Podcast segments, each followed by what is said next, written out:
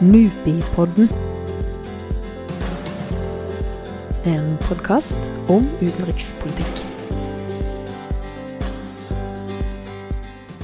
Hei og velkommen til en ny episode av Nupipodden. I dag skal vi snakke om cyber, nærmere bestemt cybersikkerhet. Hva er det vi egentlig mener når vi snakker om cyberforsvar, og hva er motivasjonen bak et cyberangrep? Er vi godt nok forberedt til å møte disse relativt nye utfordringene? Mitt navn er Marie Furovden, og med meg i dag så har jeg NUPI-forsker Lars Gjesvik. Velkommen. Tusen takk. Eh, du er en del av NUPIs forskningssenter på cybersikkerhet, eh, og har eh, den siste tiden sett nærmere på hvor godt rustet Norge er til å beskytte infrastruktur. Da snakker vi om strømnett, f.eks. telekommunikasjon, og også olje og gass. Uh, og Det skal vi komme tilbake til, men uh, sånn helt i starten, hva mener vi egentlig når vi snakker om cybersikkerhet? Altså det vi, det vi mener med cybersikkerhet, er jo helt sånn grunnleggende altså å beskytte det som på en eller annen måte er truet eller uh, truet av datamaskiner gjennom datamaskiner, noe som er avhengig av en datamaskin, og som på den måten kan bli rammet av det. litt mer sånn Konkret så snakker man gjerne da om eh, altså ulike sårbarheter som finnes i alle typer programvare og, og, digitale maskiner, som kan uh, utnyttes til å, å, skaffe seg uautorisert tilgang til den datamaskinen. Altså rett og slett en, uh, en feil som finnes, som man kan misbruke. Uh, og så blir jo det et veldig stort spørsmål, fordi jo mer vi kobler på datamaskiner, jo større tema blir cybersikkerhet. For 20 år siden så var det et ganske sånn nisjetema som først og fremst dreide seg om noen få uh, datamaskiner, mens i dag så bruker vi jo datamaskiner til alt mulig. ikke sant? Så alt som vi har kobla på internett og datamaskiner, er innunder dette paraplybegrepet cybersikkerhet, som bare vokser og vokser. Så det omfatter eh, ganske store deler av samfunnet? Ja, det gjør jo det, og det omfatter jo stadig mer av samfunnet. Og så det blir jo mer Og det blir jo på mange måter et dårligere og dårligere begrep jo mer det omfatter. Mm. De fleste har nok ganske friskt i minne dette angrepet på Hydro i Høyanger, aluminiumsverket i Høyanger. Eh, der det var et cyberangrep som rammet eh, fabrikken der. Og det er jo bare ett eksempel av mange. Eh, men hva er disse som står bak sånne cyberangrep, hva er det de er ute etter?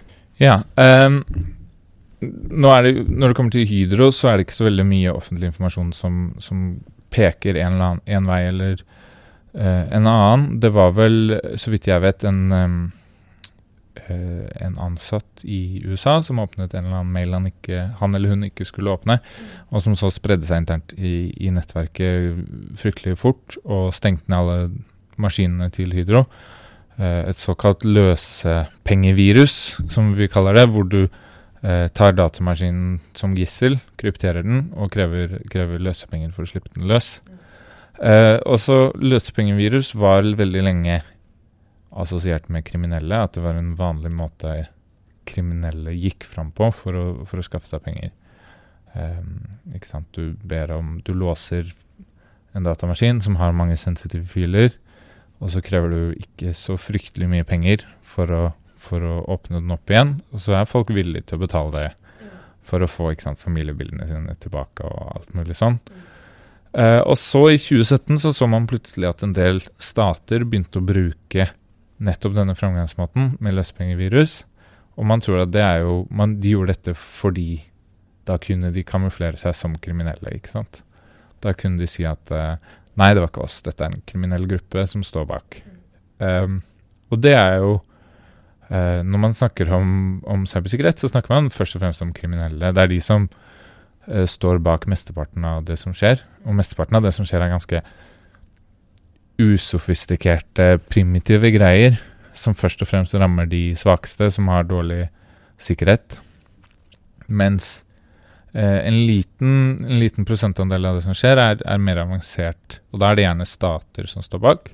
Og hva, hva er de ute etter? Nei, de er jo da ute etter det, det stater er ute etter, på en måte. Det er, eh, det, spionasje er det vanligste. De er ute etter sensitiv informasjon og, og den slags. De eh, kan også Det har også vært brukt i konflikter som, som et våpen.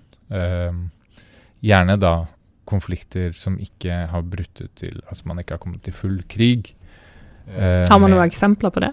Man har flere. Det første eksempelet som liksom alltid tas fram, er når USA og Israel rammet Iran eh, og, og, tok Altså saboterte atomangrepet deres der i rundt 2010, ble vel det oppdaget.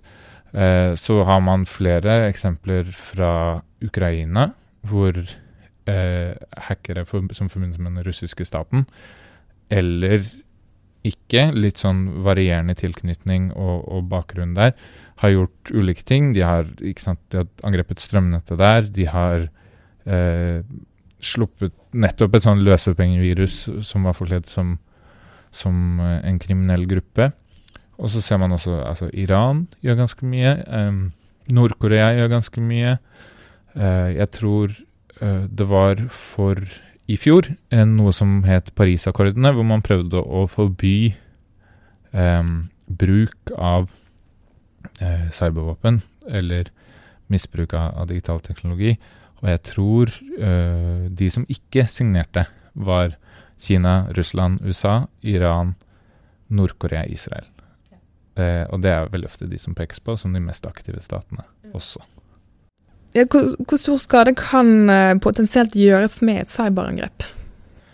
Det er, um, det er et veldig godt spørsmål, og et veldig vanskelig spørsmål, fordi det ofte er snakk om altså ikke bare hvor stor skade, men hvordan Altså ulike former for skade. Uh, det å stjele sensitive data, sensitiv informasjon, er jo på en måte Altså, det er vanskelig i varierende grad. Det kan være, det kan være ganske lett. Jeg tror eh, Et veldig godt eksempel på eh, hvor lett det kan være, er Equifax, som er et amerikansk sånn kredittvurderingsselskap som hadde kredittinformasjon om noe sånt som 150 millioner amerikanere. Eh, og alt det ble stjålet ved at de ikke hadde oppdatert eh, systemene sine. Jeg tror, altså, De hadde ikke oppdatert systemene sine fordi IT-fyren som skulle oppdatere systemene, ikke hadde fått mailen. De hadde glemt å se seg inn riktig fyr i mailen. Så, så, liksom, så enkelt kan det være.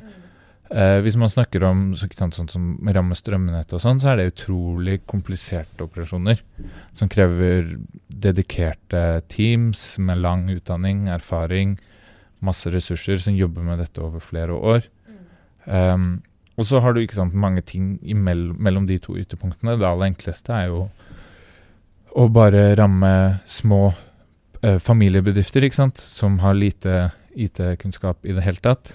Eh, også det aller vanskeligste vil jo være å ramme militære installasjoner, eller det blir ren spekulasjon, men ikke sant, den, sånne mer harde mål mm. med mye sikkerhet rundt seg. Så det er et veldig stort spekter fra fryktelig lett til utrolig vanskelig. Mm.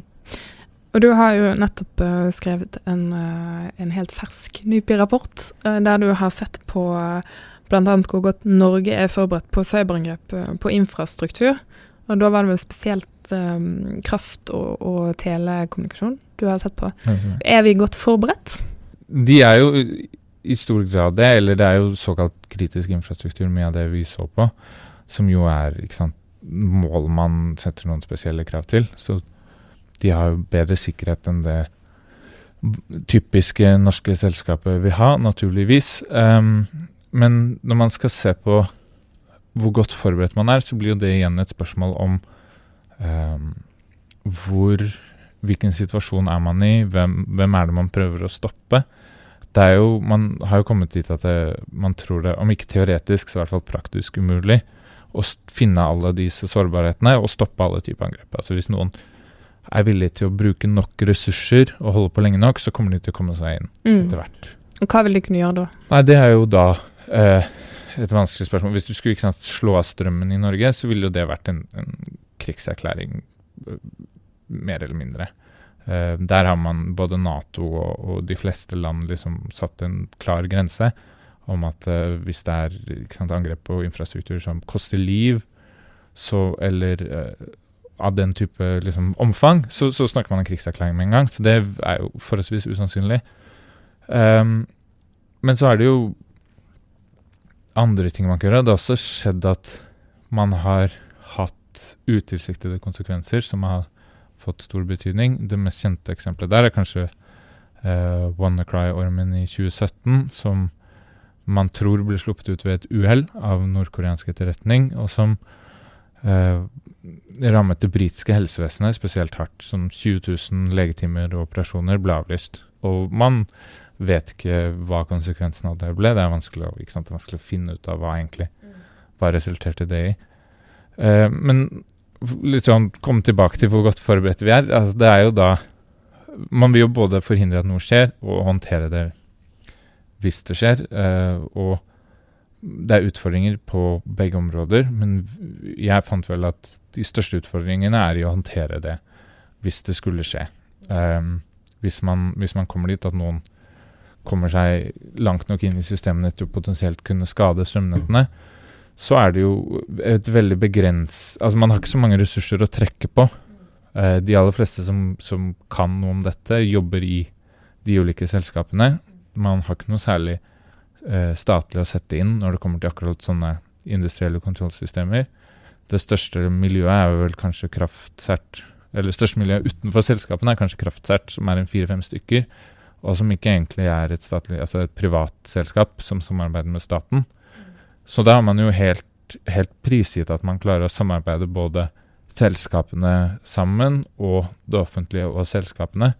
Og at man også kanskje er nødt til å samarbeide med andre land som har ressurser vi ikke har. Ja, for Om noen hadde bestemt seg for å angripe Norge med kuler og krutt, så hadde det jo vært uh, helt klart hvem som skulle reagert og, og tatt ansvaret. Forsvaret hadde steppet inn, og man hadde gjerne sett på det som en krigserklæring. Eh, og det hadde vært helt sånne klare grenser på hva som må gjøres og hvem skal gjøre det osv. Men eh, cyber, det var et, et cyberangrep, så er det kanskje ikke like klart. Ja, nei, Noe, noe av problemet er at um, altså, det er private selskaper er de som blir oftest rammet. Eh, hvis man hadde hatt et, et cyberangrep på det norske militæret, så ville jo, sant, ville jo Forsvaret hatt ansvar for det. Mm. Men hvis du har altså hvis det skulle vist seg at angrepet på Hydro var en stat, noe det ikke er noe grunnlag for å si i dag, men da får du en vanskelig eh, En litt mer vanskelig rolle Altså må gå opp i den rollen på en litt annen måte, og det er både uklart hva staten kunne kommet inn med og bidratt med, og hvor, hel, hvordan det skal gjøres. Og det er gjort veldig mye arbeid på å finne ut av dette eh, den siste tiden, men man er, er nok ikke helt i mål ennå. Så foreløpig så er vi prisgitt at uh, disse fire-fem personene i Kraftsert uh, skal redde dagen om noe skjer. Ja, og så vil man jo sannsynligvis alltid være prisgitt private selskaper. Fordi det er de som sitter på mesteparten av kompetansen og kunnskapen om det her. Så en, en situasjon hvor staten kan, den norske staten i hvert fall, kan gå foran og lede, er, den er veldig langt unna. Mm. Eh, I en undersøkelse som Direktoratet for samfunnssikkerhet og beredskap gjorde i eh, februar i fjor, så svarer 42 eh, av de spurte at de er bekymret for at et cyberangrep skal slå ut viktige styringssystemer de kommende fem årene. Og Til sammenligning så svarer 37% at de er redde for terrorangrep. Så Uh, ifølge denne undersøkelsen så er vi, er vi, faktisk mer bekymret for cyberangrep enn for terror. Og da lurer jeg på er det grunn til bekymring? Altså, når de sier viktige styringssystemer, så antar jeg da at det er Altså, de er ikke bekymret for sine private eh, mailkontoer og sånn, det er mer sånn nasjonalt. Og, og, og være veldig bekymret for det ville jeg nok ikke vært. Uh, det kan jo selvfølgelig skje, man kan ikke utelukke at det kommer til å skje. Men det er uh, veldig lite sannsynlig at noe sånt ville skjedd. Og det er også ganske Altså, man unngår Man minsker sannsynligheten veldig mye ved å gjøre noen få enkle ting bra. Og der har ikke sant, norske myndigheter vært ganske flinke til å vektlegge de tingene, de enkle tingene man kan gjøre. Og fortsette å pushe det budskapet om at ikke sant, man gjør sånn, oppdaterer systemene sine og, og trener de ansatte og alt sånn. Så jeg er veldig lite bekymra for at uh, store norske styringssystemer skal bli rammet, så lenge vi ikke havner i en veldig uh, tilspisset konflikt. Men altså, selv hvis det bryter ut krig, så er det andre ting jeg er mye mer redd for enn cyberangrep. Men eh, til disse, som er, til disse 42% som er bekymret, hva kan de gjøre? Ja, altså Som privatperson så er jeg jo kanskje litt mer bekymret, fordi eh, både altså, mine personlige data og eh, mine finan sant, finansielle kredittkort og den type ting er jo ganske utsatt, og det, lett, det kan jo fort skje at noen glipper litt. Uh, det viktigste man kan gjøre, er vel kanskje at man oppdaterer datamaskinen og mobilen sin. At man uh, har på såkalt tofaktorautorentisering på de viktigste kontoene sine. Og at man bruker uh, sterke passord, helst en sånn password manager, som det heter. Sånn at man får unike, sterke passord, ikke bruker det samme passordet om igjen. Så passord 1, 2, 3, det må vi slutte med? passord 1, 2, 3 er faktisk utrolig dårlig. utrolig dårlig, det. Mm. Um, men det, det, er jo sånn, det høres veldig banalt ut, men det er faktisk så enkelt å eh, gjøre seg veldig mye tryggere. Men så er det jo Skal man ikke Altså, privatpersoner skal jo være bevisste hele veien, men det er ikke opp til enkeltpersoner. Det er ikke opp til deg og meg å, å beskytte jobben vår, på en måte. Eller vi har en rolle å spille, men det er også en større rolle som, et større sånn nettverk og system som må fungere rundt det. Mm. Fordi folk eh, dummer seg ut. Og det kommer, det kommer, de til å fortsette å gjøre i uoverskuelig fremtid. Ja. eh, så det må man på en måte bare regne med mm. at det kommer til å skje. Vi lar det bli siste ord denne gangen. Takk for praten, Lars. Jo, bare hyggelig. Og til dere andre, vi høres snart.